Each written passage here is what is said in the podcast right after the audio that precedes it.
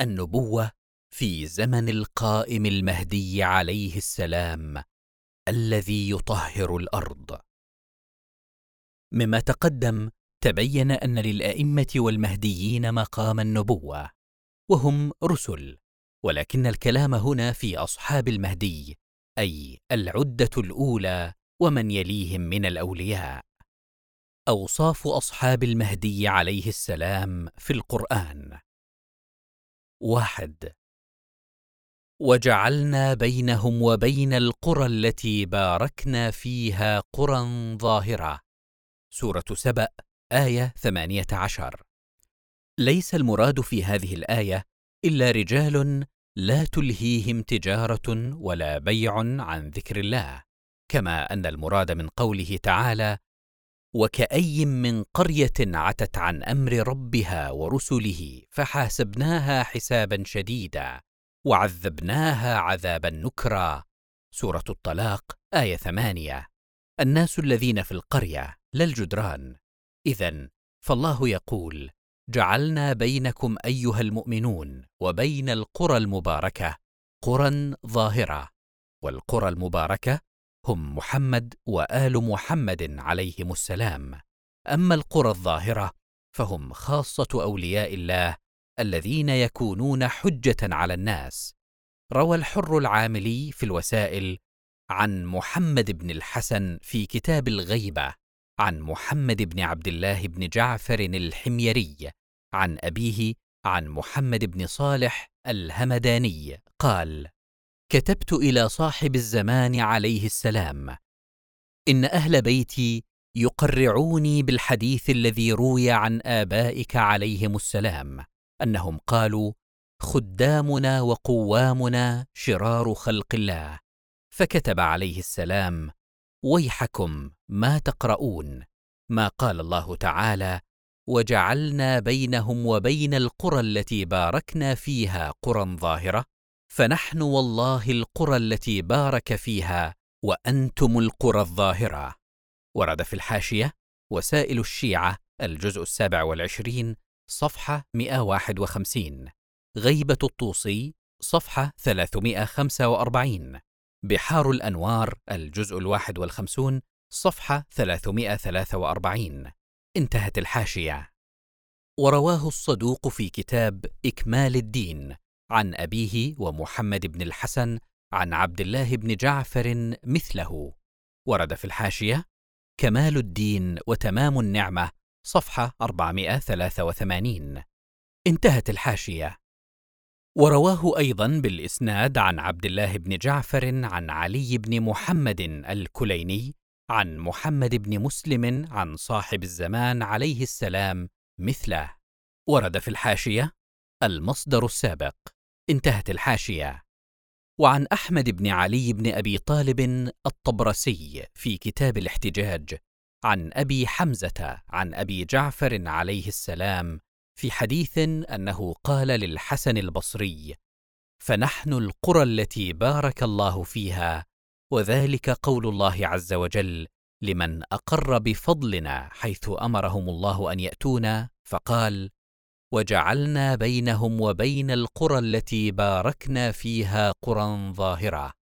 والقرى الظاهرة الرسل والنقلة عنا إلى شيعتنا وفقهاء شيعتنا إلى شيعتنا. وقوله وقدرنا فيها السير. فالسير مثل للعلم. سيروا به ليالي وأياما. مثل لما يسير به من العلم في الليالي والأيام عنا إليهم في الحلال والحرام والفرائض والأحكام. آمنين فيها إذا أخذوا منه. ورد في الحاشية في بحار الأنوار من معدنها الذي أمروا أن يأخذوا منه. انتهت الحاشية. آمنين من الشك والضلال والنقلة إلى الحرام من الحلال لأنهم أخذوا العلم ممن وجب لهم أخذهم إياه عنهم بالمعرفة لأنهم أهل ميراث العلم من آدم إلى حيث انتهوا ذرية مصطفاة بعضها من بعض فلم ينتهي الاصطفاء إليكم بل إلينا انتهى ونحن تلك الذرية لا أنت ولا أشباهك يا حسن.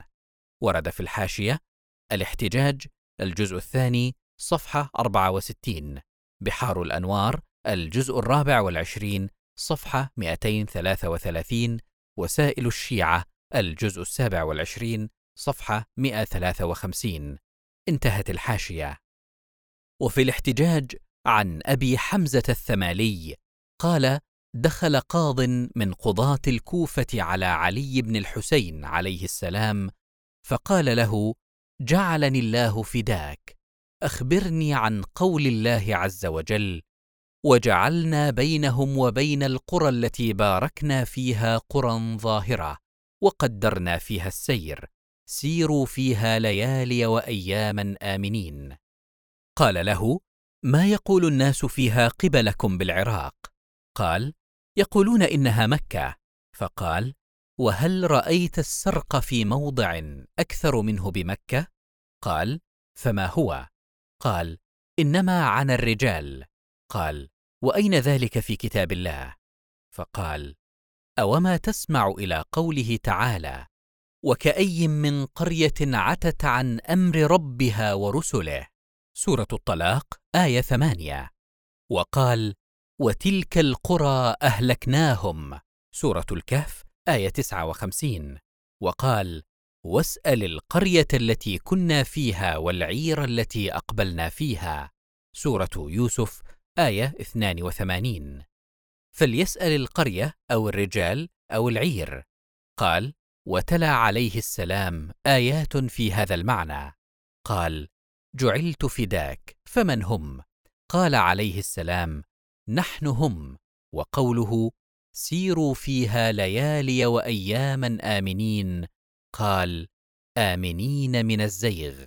ورد في الحاشية الاحتجاج الجزء الثاني صفحة 41 عن مناقب آل أبي طالب الجزء الثالث صفحة 273 بحار الأنوار الجزء العاشر صفحة 145 انتهت الحاشية. وأصحاب القائم المهدي عليه السلام هم خير مصداق للقرى الظاهرة. قال أمير المؤمنين عليه السلام فيهم ألا بأبي وأمي هم من عدة أسماؤهم في السماء معروفة وفي الأرض مجهولة. ورد في الحاشية نهج البلاغة بشرح محمد عبده الجزء الثاني صفحة 126 بحار الأنوار الجزء الرابع والثلاثين صفحة 212 معجم أحاديث الإمام المهدي عليه السلام الجزء الثالث صفحة 13 انتهت الحاشية. وفي ينابيع المودة لذوي القربى القندوزي قال وأشار يعني أمير المؤمنين علي عليه السلام إلى أصحاب المهدي رضي الله عنهم بقوله ألا بأبي وأمي هم من عدة أسماؤهم في السماء معروفة وفي الأرض مجهولة ورد في الحاشية ينابيع المودة الجزء الثالث صفحة 272 انتهت الحاشية. وقال عليه السلام فيا ابن خيرة الإماء متى تنتظر البشير بنصر قريب من رب الرحيم؟ ألا فويل للمتكبرين عند حصاد الحاصدين وقتل الفاسقين عصاة ذي العرش العظيم. فبأبي وأمي من عدة قليلة أسماؤهم في السماء معروفة وفي الأرض مجهولة قد دان حينئذ ظهورهم. ورد في الحاشية نهج السعادة الجزء الثالث صفحة 450 موسوعة أحاديث أهل البيت عليهم السلام الجزء الثامن صفحة 209 انتهت الحاشية. وفي ينابيع المودة نقل عن أمير المؤمنين علي عليه السلام. فيا ابن خيرة الإماء متى تنتظر؟ أبشر بنصر قريب من رب رحيم. فبأبي وأمي من عدة قليلة. أسماؤهم في الأرض مجهولة قد دان حينئذ ظهورهم. ورد في الحاشية ينابيع المودة لذوي القربى الجزء الثالث صفحة 434 انتهت الحاشية. وقال رسول الله صلى الله عليه وآله وسلم اللهم لقني إخواني مرتين. فقال من حوله من أصحابه أما نحن إخوانك يا رسول الله؟ فقال لا إنكم أصحابي وإخواني قوم في آخر الزمان آمنوا ولم يروني لقد عرفنيهم الله بأسمائهم وأسماء آبائهم من قبل أن يخرجهم من أصلاب آبائهم وأرحام أمهاتهم. لأحدهم أشد بقية على دينه من خرط القتاد ورد في الحاشية أي الشوك منه عليه السلام. انتهت الحاشية. في الليلة الظلماء أو كالقابض على جمر الغضا ورد في الحاشية هو شجر عظيم وجمرته تبقى زمانا طويلا لا تنطفئ. انتهت الحاشية. أولئك مصابيح الدجى ينجيهم الله من كل فتنة غبراء مظلمة.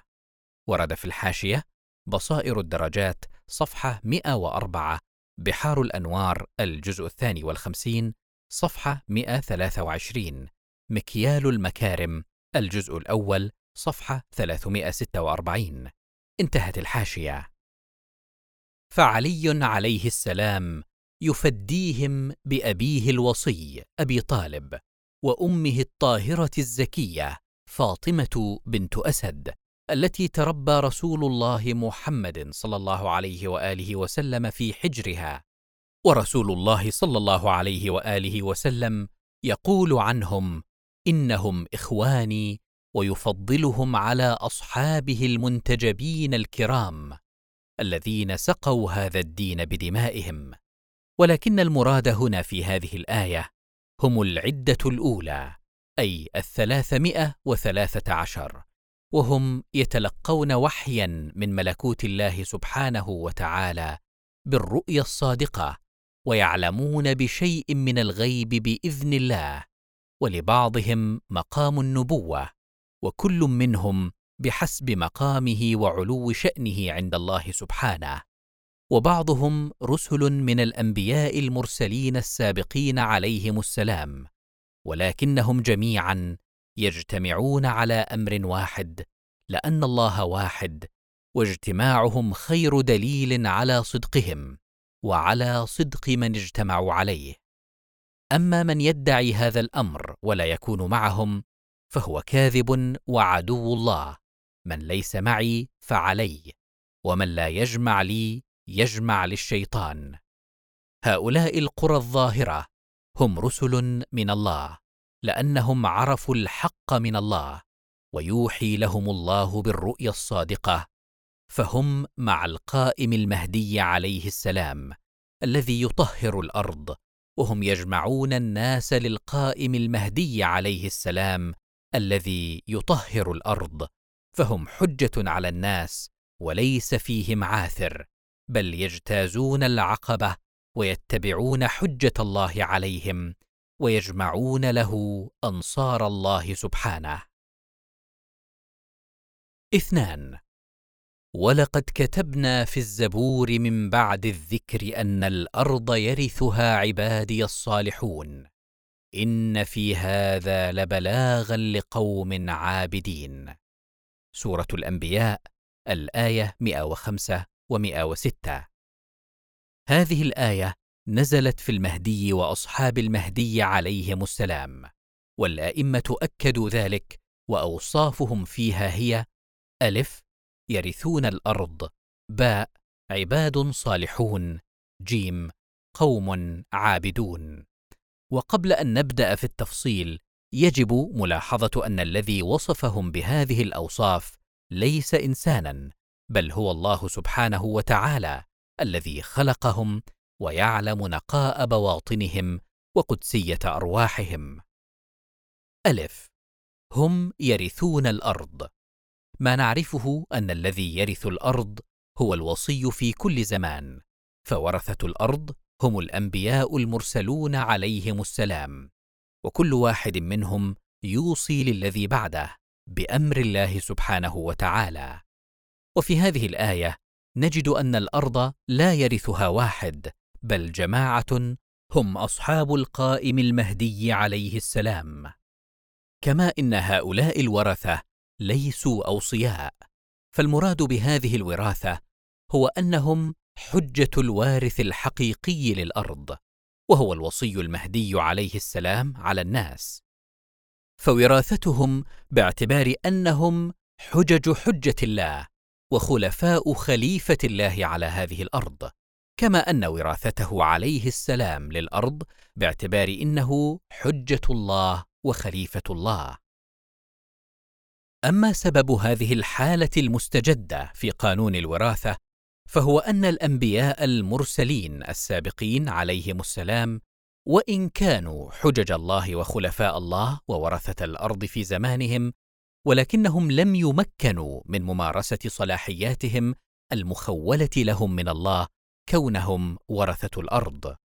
وهؤلاء الأولياء أصحاب المهدي عليهم السلام هم رسل من أولئك الأنبياء المرسلين عليهم السلام.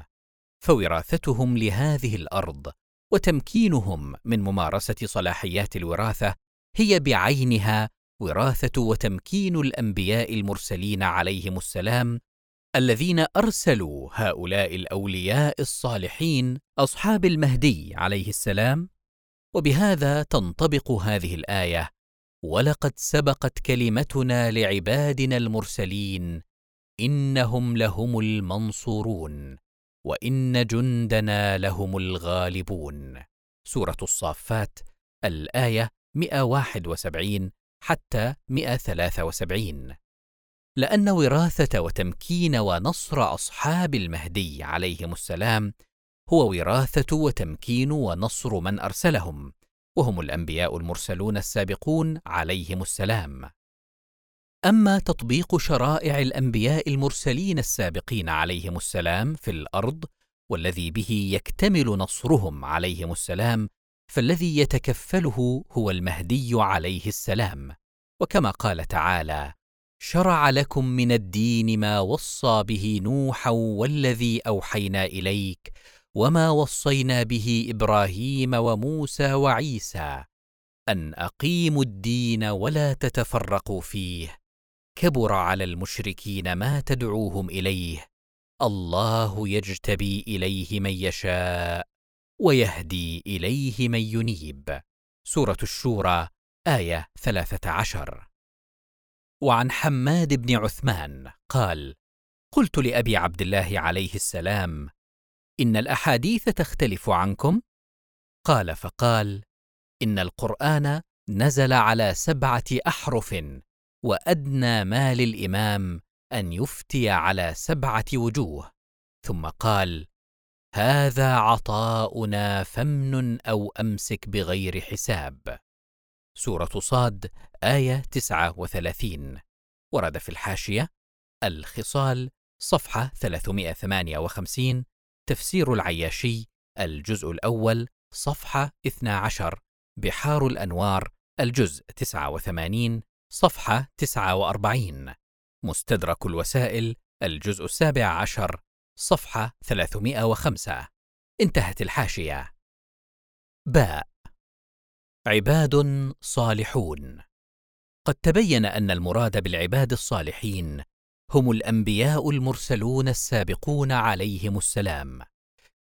كما تبين أن أصحاب المهدي عليهم السلام أيضا ينطبق عليهم هذا الوصف والمدح العظيم من الله سبحانه وتعالى لأنهم رسل من أولئك العباد الصالحين ومثلوهم ومثلوا وراثتهم لهذه الأرض خير تمثيل.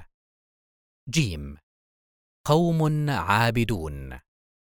هؤلاء القوم هم أصحاب المهدي عليهم السلام وينبغي أن نتوقف عند المراد بقوله تعالى لقوم عابدين ويفسره قوله تعالى وما خلقت الجن والإنس إلا ليعبدون. سورة الذاريات آية 56 أي يعرفون. كما هو واضح في هذه الآية.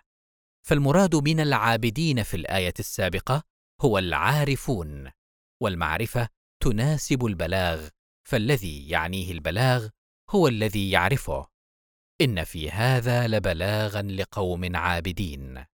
سورة الأنبياء آية 106 وإن كان يوجد أوصاف كثيرة لأصحاب القائم عليه السلام في القرآن ولكني أكتفي بهذا القدر القليل لبيان ارتباطهم بالنبوة والرسالة وبالأنبياء السابقين عليهم السلام. ولأن الكلام مع كل إنسان يبحث عن الحقيقة وليس مع المسلمين فقط أضرب هذا المثل من الكتاب المقدس. ورد في الحاشية العهد الجديد الإنجيل منه عليه السلام. انتهت الحاشية. لبيان ارتباط أصحاب المهدي عليهم السلام بكل مستوياتهم بالأنبياء جميعا عليهم السلام. فمعروف أن عدد الأنبياء السابقين عليهم السلام هو 124 ألف نبي أو أكثر وهذا العدد يكاد يكون الأكثر تداولا بين الناس عالمهم وجاهلهم. وأيضا في العهد الجديد الإنجيل يذكر أن ابن الإمام المهدي عليه السلام يجمع أنصار أبيه 144 ألف وهم مختومون على جباههم ويقفون على جبل صهيون وهو رمز إلى فتح الأرض المقدسة التي وعد بها المهدي عليه السلام. ثم نظرت وإذا خروف واقف على جبل صهيون ومعه مائه وأربعة وأربعون الفا لهم اسم أبيه مكتوبا على جباههم. ورد في الحاشية رؤيا يوحنا الإصحاح الرابع عشر. انتهت الحاشية.